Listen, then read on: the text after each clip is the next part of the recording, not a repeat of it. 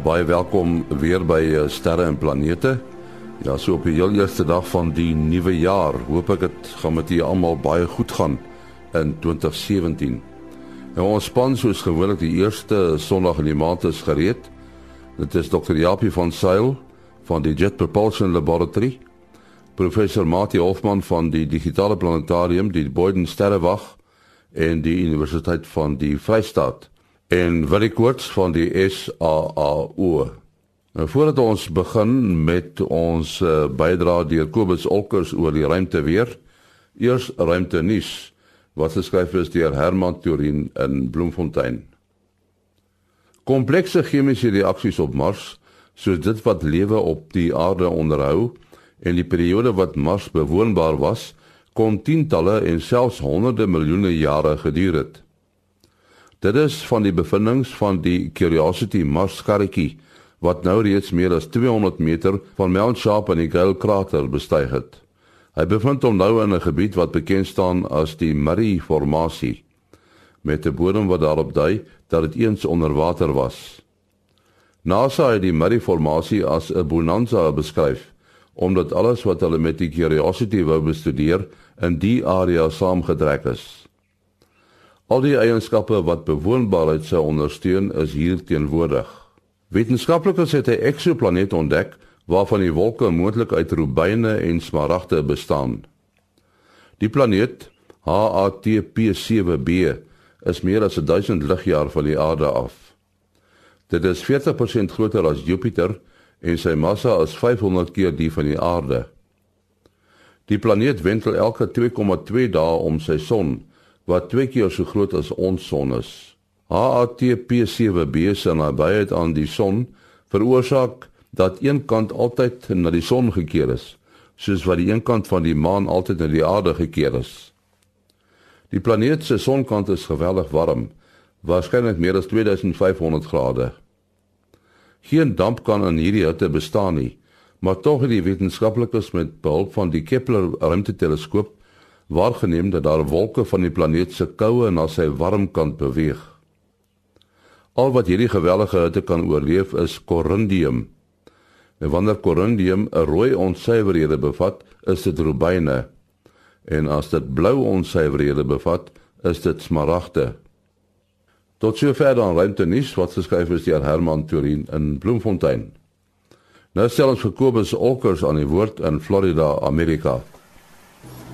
Um, ons het reeds uh eergisterand se koers het 'n korroterende interaksie area ehm um, die aarde se magnetveld getref. Dit is nou maar net waar 'n sekere oorgangsone is tussen die vinnig en stadig bewegende sonwindstrome. Die magnetveld so 'n bietjie draai en dan bou hy so 'n bietjie uh, plasma op en dan kry ons nou lekker groot uh gradiënte en selfs dalk skokgolwe wat vir ons uh, mooi auroras kan gee in die, in die verre suide en die verre noorde. Wat ons wel ook op die oomblik het is 'n uh, 'n groterige koronagat wat nou so amper van die son afgeroteer is. Hy is uh redelik suidwaarts as ek so na hom kyk. So hy kan vir ons nog 'n bietjie uh probleme gee, maar veral maar nie maar meer vir ons lang afstand luisteraars, lang afstand uh, kortgolf luisteraars en so aan. Dan het ons natuurlik weer nog steeds ons groot kroon korona gehad wat nie vir ons 'n probleem gaan gee nie. En ons het 'n twee of drie onstabiele uh filamente. Hulle kan dalk later in die week hier sit in Woensdag Donderdag se koers kan hulle ons beïnvloed. Maar ehm um, ek dink hulle stal sal dit maak sonder om sonder om op te lig. Dan is daar die laaste item is 'n groterige koronagat wat ook nou besig is, is 'n suidelike suidelike halfrond koronagat in die son wat besig is om op te roteer.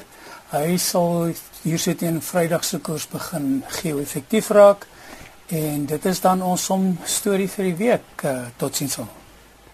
Dit was dan ruimte weer deur Kobus Olkers daar in Florida, Amerika. Ons uh, span is is gereed hier op die uh, heel eerste dag van die nuwe jaar 2017. Ons het Dr. Japie van Sail wat op die oomblik kuier in Suid-Afrika en ons het vir uh, Willie Koorts en natuurlik vir professor Mati Hofman Nou uh gewoonlik kyk ou so 'n bietjie terug na dinge wat verby is die afgelope jare, dis nou 2016. Nou daar het nie eintlik asemrowende goed gebeur as 'n mens nou dink destyds aan die Curiosity se landing nie. Maar Japie, uh julle bly nog besig met sekere projekte, nê? Ek dink nou aan Juno en dan Cassini wat uh, daar by Saturnus rondkuier. Ja, en natuurlik uh, Juno is nou 'n goeie voorbeeld van wat 'n mens net soos jy dink jy jy het nou al hierdie goeders lekker onder beheer, dan werk dinge nie so lekker vir jou uit nie. Die luisteraars sal seker onthou Juno het die 4de Julie by Jupiter aangekom en die plan was dat hy sou twee bane van 53 dae elk gedoen het en dan sou ons hom in 'n 14 dae baan gesit het. Maar toe as die tweede maal by Juno, uh, Jupiter verbyvlieg toe het uh, die die rekenaar so bietjie deurmekaar geraak en met die gevolg dat ons nou op die oomblik nog steeds in die 53 dae is en ons probeer nou uitwerk wat is die regte manier vir ons om al die die data te kry wat ons wou gehad het. Daar's niks fout met die satelliet op die oomblik wat wat uh, ons dwing om enigiets te doen nie. Dit kos maar net meer geld as om nou in die 53 dae um, bane bly. Maar nou ja, dit soos ek sê, dit is elke slag wanneer jy dink jy het nou al hierdie goeie so lekker onder beheer dan dan besef jy die die die satelliete het soms hulle wil van hulle eie. Ek dink baie mense as hulle seker die vraag vra, uh, jy weet as 'n ou rekenaarprobleem hier by die huis het, dan dan bel jy iemand of jy probeer dit self regmaak. Maar jy het nou 'n rekenaarprobleem op 'n ding wat vreeslik ver is. Hoe maak jy hom reg? Al ons rekenaars word uh, ontwerp sodat as daar iets verkeerd gaan, dan sal die rekenaar homself weer uh, laat begin. Maar hy hou hom net tot op 'n sekere stadium uh, sal hy hom soos ons sou sê boot en dan bly hy in wat ons noem safe mode. Dit beteken alles is veilig, daar's krag. Al die instrumente kan werk as hulle moet, maar sit hulle nog net nie aan nie. En dan bel hy huis toe. Dan sê hy vir ons iets het verkeerd gegaan en dan laai ons die data af om te kyk wat het fout gegaan. En as dan nou nie iets baie ernstig is nie, soos dit ook maar baie keer gebeur met jou tuisrekenaar, soms gaan die ding mos nou maar net so bietjie skeef en dan moet jy maar net weer uh herlaai. So dan doen ons dit nou maar as daar nie iets erg ernstig verkeerd is en maar soms gaan daar ernstige dinge verkeerd en dan moet 'n man nou maar op, op 'n groot afstand moet ons dan um, skakelaars verander om verskillende dele van die satelliet af te sit en weer aan te sit en so aan. So dis maar 'n redelike groot proses as die ding nou regtig gaan staan en seker raak. Ja, ek dink uh, julle probleme wat julle gehad het tot nog steeds het met SMAP, net die satelliet wat wat om die aarde wentel. Ja, nee, kyk, daar het ons mos nou een van ons kragbronne daar nou uh, vasgehak en en basies wil hy nie weer aankom nie. So ons het nou al hoeveel keer probeer om die ding aan te sit en verskillende skakelaars gegooi en so aan. Maar op die oomblik het hy nog nie aangekom nie. Gelukkig die ander helfte van die satelliet werk goed. So ons kry daarom data. Maar een van ons instrumente wat ons graag wou gehad het, die radar op die oomblik is nou nog nie aan die gang nie want sy uh, kragbron werk. Die Cassini uh, het ons ook uh, al baie oor gepraat en uh, lyk my alles loop reg daar as ek uh, reg Japie. Ja nee, kyk Cassini het daar mos al nou baie lank tyd om um, Saturnus en sy maane gewentel. Om my waarheid te sê, ons het nou amper 'n halwe jaar van Saturnus. Dis nou 15 aardse jare amper wat ons om uh, Saturnus en sy maane daar wentel. En ons is nou in die laaste fase van hierdie sending. Ons gaan nou basies uh, vlieg ons by, net buitekant die ringe van Saturnus wat mense op hierdie pragtige foto's van Saturnus sien. En dan vlieg ons weer tussen Saturnus en die binnekant van die ringe.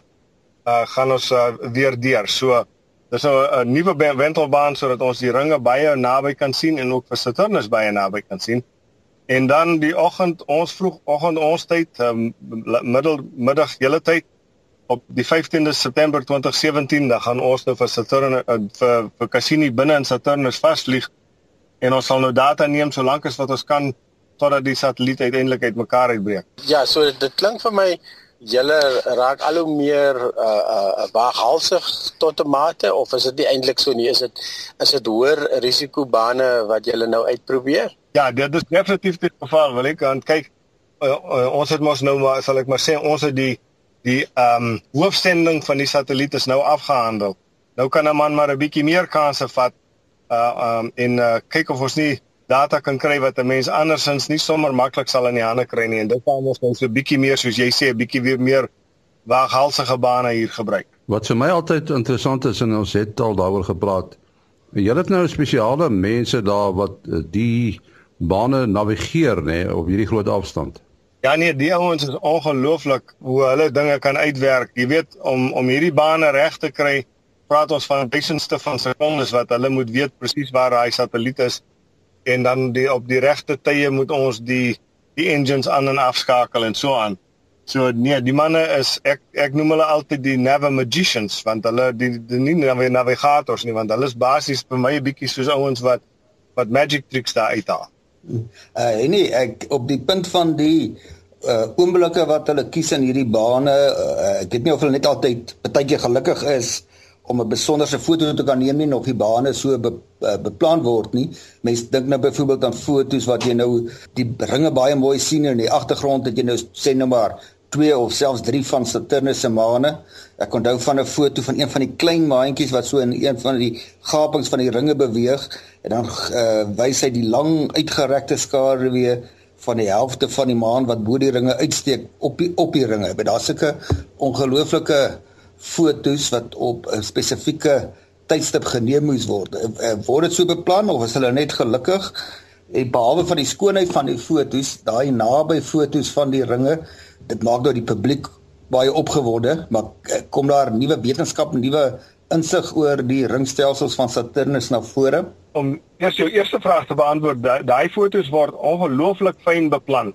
Kyk, ons ken mos nou die bane van die maane en so aan baie goed en dan bereken ons waar die satelliet sal wees en wanneer die kamera die foto moet neem en so voort. So daai daai fotos word baie noukeurig beplan en dan uitgevoer uh, volgens die ons wat die navigasie doen. En uh, ja, die hele rede vir ons om nou so naby aan die ringe verby te vlieg is om te probeer uitvind daar is uh, sal ek maar sê 'n bietjie inligting dat dit lyk asof daar 'n maan aan die is die maan is of aan vorm of die maan is besig om te disintegreer. Ons probeer nou kyk of ons nou kan die data kry om te sien wat is nou werklik aan die gang daar en dan natuurlik om die na, om die ringe so naby as moontlik te bekyk om presies te seker te maak waarvan is hierdie ringe gemaak of ons kan agterkom of van die maane die ringe voer en of die ringe die maane die ringe opgeëet het so, om om dit so te stel. Hoeveel van eh, die ouens is daar wat so navigeer? Jong, ons het 'n hele groot um, groep daarso en maar ek sou sê die kern van die groep is so ongeveer 15 ouens wat ehm um, wat sal ek maar sê nou die die wêreld se topmanne is en hulle doen natuurlik die navigasie vir al die lande se satelliete wat wat ver van die aarde af is. Ons uh, help die Euro die Europese ruimteagentskap, ons help die Indiese uh, ruimteagentskap wanneer hulle satelliete by Mars aankom om hulle te navigeer en so aan. Dit laat my amper dink aan die sterrekunde waar jy ook uh, die ons byvoorbeeld dis 'n nasionale fasiliteit en en uh, daar's oorsese mense wat daar kom kyk en uh, kom werk en ons sterrekundiges uh, weet ek kan byvoorbeeld data aanvra van die Hubble ruimteteleskoop. So ja, dis eintlik ongelooflik hoe die internasionale gemeenskap van uh, sterrekundig sterrekunde en dan nou ook in die ruimtewetenskap uh so saamwerk. Ja, dis natuurlik vir my 'n baie groot voordeel van van die ruimtegemeenskap. Uh daar's basies baie minder politieke grense sal ek maar sê as 'n mens by die by die wetenskappe kom en dit is vir my 'n baie goeie ding. Dis net China wat nog nie saamspeel nie. Ja, kyk ons het sukkel nog maar bietjie met hulle, maar oor die, uh, oor die algemeen is daar stadig maar seker tekens besig om te ontwikkel dat dit lyk asof ons dalk in die toekoms meer sal saamwerk. So hopelik sal hulle ook nou op die ouens in so sogenaamde in die ruimte klap sal ek maar sê inkom. Uh as as ons 'n bietjie kyk na wat nou van jaar voor lê 2017. Wat staan vir jou uit uh Japie? Kyk, daar's twee groot dinge wat wat ons by JPL natuurlik moet doen. Buite in die feit dat ons werk aan die volgende rover en so aan. Die een is ons moet ons volgende lander wat in vroeg in 2018 nou wat ek sou sê Mei 2018 word hy gelanseer na Mars toe. Dis net 'n een wat gaan stil staan op 'n plek en ons gaan probeer uitvind of Mars ook 'n vloeibare kern het en so aan met hierdie hierdie um, landeryk baie sensitiewe um seismometers op om om te kyk of daar enige beweging in die kors van Mars gebeur en so aan. So as dit hom nou reg kry en hy moet in sy finale toetsfase ingaan hier in die Augustus uh, tydperk hier in 2017. En dan uh, die luisteraars het seker al gehoor van die Grace satelliete die wat die swaartekrag van die aarde meet waarmee ons dan kan kyk hoe water versprei word oor die aarde in die in die in die ondergrondse bronne en so voort. Die volgende stel twee satelliete wat die metings nou sal voortsit word uh later vanjaar in 2017 ook gelanseer. So vir ons is dit nou twee groot dinge wat vir ons voorlê. En loop alles volgens plan op die stadium? Sover loop alles nog volgens plan. Die lander wat se naam Insight is, die eh, die het baie baie sensitiewe seismometers op. Hulle word in Frankryk gebou. En ons sukkel op die oomblik 'n bietjie met hulle om hulle die sensitiwiteit te kry wat hulle moet hê en so aan. Maar hopelik sal ons dit nou onder die knie kry en dan sal ons hulle hier in soos ek sê in die Augustus tyd tydperk wat dan in die finale toetse kan ingaan. Van die eerste dinge om seker te maak is of die Amerikaners en die Europeërs in dieselfde eenhede werk. ja. en ek kyk dit dit ons nou nou gelukkig uitgesorteer. Ons werk nou almal in die metriese stelsel so. Ja, mens vra die vraag hoekom is daar nog lande wat nie metries is nie? Ja nee, ek ek moes weer van vooraf gaan leer het van voete en ponne en sulke goeters toe ek in Amerika gekom. Uh nee, ek is nou oor 'n ander ding nuuskierig. Uh die Curiosity uh sending uh, het nou wel al hele ruk gelede geland. Uh maar het hy besonderse hoogtepunte opgelewer. Weet my sien ook hierdie fantastiese foto's van rotsformasies en uh selfs 'n meteoriet. Uh, wat sou nou die belangrikste inligting wees wat hierdie jaar nie was vanaf die oppervlakte van Mars. Ek sou persoonlik sê die grootste ehm um, uh, sal ek maar sê ontdekking of of uh resultaat wat ons gekry het is dat ons wel tweemaal hoër vlakke van metaangas ge, gemeet het met Curiosity as wat die wat die sogenaamde die agtergrond waarde is. Maar ons weet nou natuurlik nog nie waarvandaan kom die uh, metaangas nie. Dis nou 'n ding wat mense al 'n hele ruk lank aan die aan besig hou en hulle het aanvanklik gedink dit is maar probleme met die metings wat ons van die satelliete af gedoen het en so voort. Maar nou het ons dit twee verskillende tye al met Curiosity gemeet waar dit uh, ongeveer so 20 tot 30 maal hoër is as die agtergrond. En as jy net vir so 'n maand of so so hoog gaan verdwyn dit weer. So dis 'n baie interessante verskynsel wat niemand mooi kan verstaan. En ek sou sê dis nou die grootste uh, sal ek maar sê wetenskaplike puzzle wat ons nou hierdie jaar ontdek het daar. Ja. Daar was daar was so 'n foto gewees en dit was seker ook fyn be, berekeninge en beplanning gewees om dit te kon neem uh wat deur die Curiosity geneem is van die maan Phobos wat uh voor die son verby beweeg het wat mens sy vorm baie mooi kan sien. Uh hy het so nogal 'n noemenswaardige persentasie van die son toegemaak, maar nie natuurlik naby soveel soos ons maan van ons van die son van hier af uh toemaak nie. Ja, dis nogal interessante foto's daai en, en ook so nou en dan kry ons foto's van Curiosity af waar beide Phobos en Deimos, beide die maane van Mars in dieselfde foto is. Dis nogal baie interessant om die twee maane so te sien beweeg relatief tot tot mekaar. Die die metaangas wat jy van praat, wat sou die implikasie wees dat as die uh, metaangas hoër vlakke het? Kyk, ja, dit beteken dan moet iewers 'n bron van metaangas wees op Mars. Nou die die een van die groot dinge wat wat mense graag wil agterkom is kan dit wees dat die metaangas deur biologiese aktiwiteit veroorsaak word? Dat daar miskien bakterieë in die grond is en en so aan. Dan so nou en dan die metaangas vrylaat. Maar ons ons dink nie dit is die geval nie. Daar is ander geologiese verklaringe ook maar soos ek sê dit is nou een van die groot ehm um, raaisels wat ons nou daar gekry het dit is nie veronderstel om so te kom en te gaan in 'n in 'n dooie planeet soos Mars nie. So dit is 'n baie interessante is, probleem. Nou maar ons uh, moet daar afsluit uh Japie jou uh, besonderhede. My e-posadres is japiejpl@gmail.com. japiejpl@gmail.com. En uh, Willie? Ja, mense kan bel, WhatsApp of SMS uh, 072 4579208. 0724579208. En dan Mati. Uh, 0836257154. 0836257154 en deesdae werk WhatsApp amper die maklikste want dan kan mens maklik inligting aanstuur, foto's aanstuur om sake te verduidelik. Mens kry nogal partykeer interessante vrae. Ja, en my e-posadres maas.henny@gmail.com. maas.henny@gmail.com. Tot volgende keer. Alles van die beste.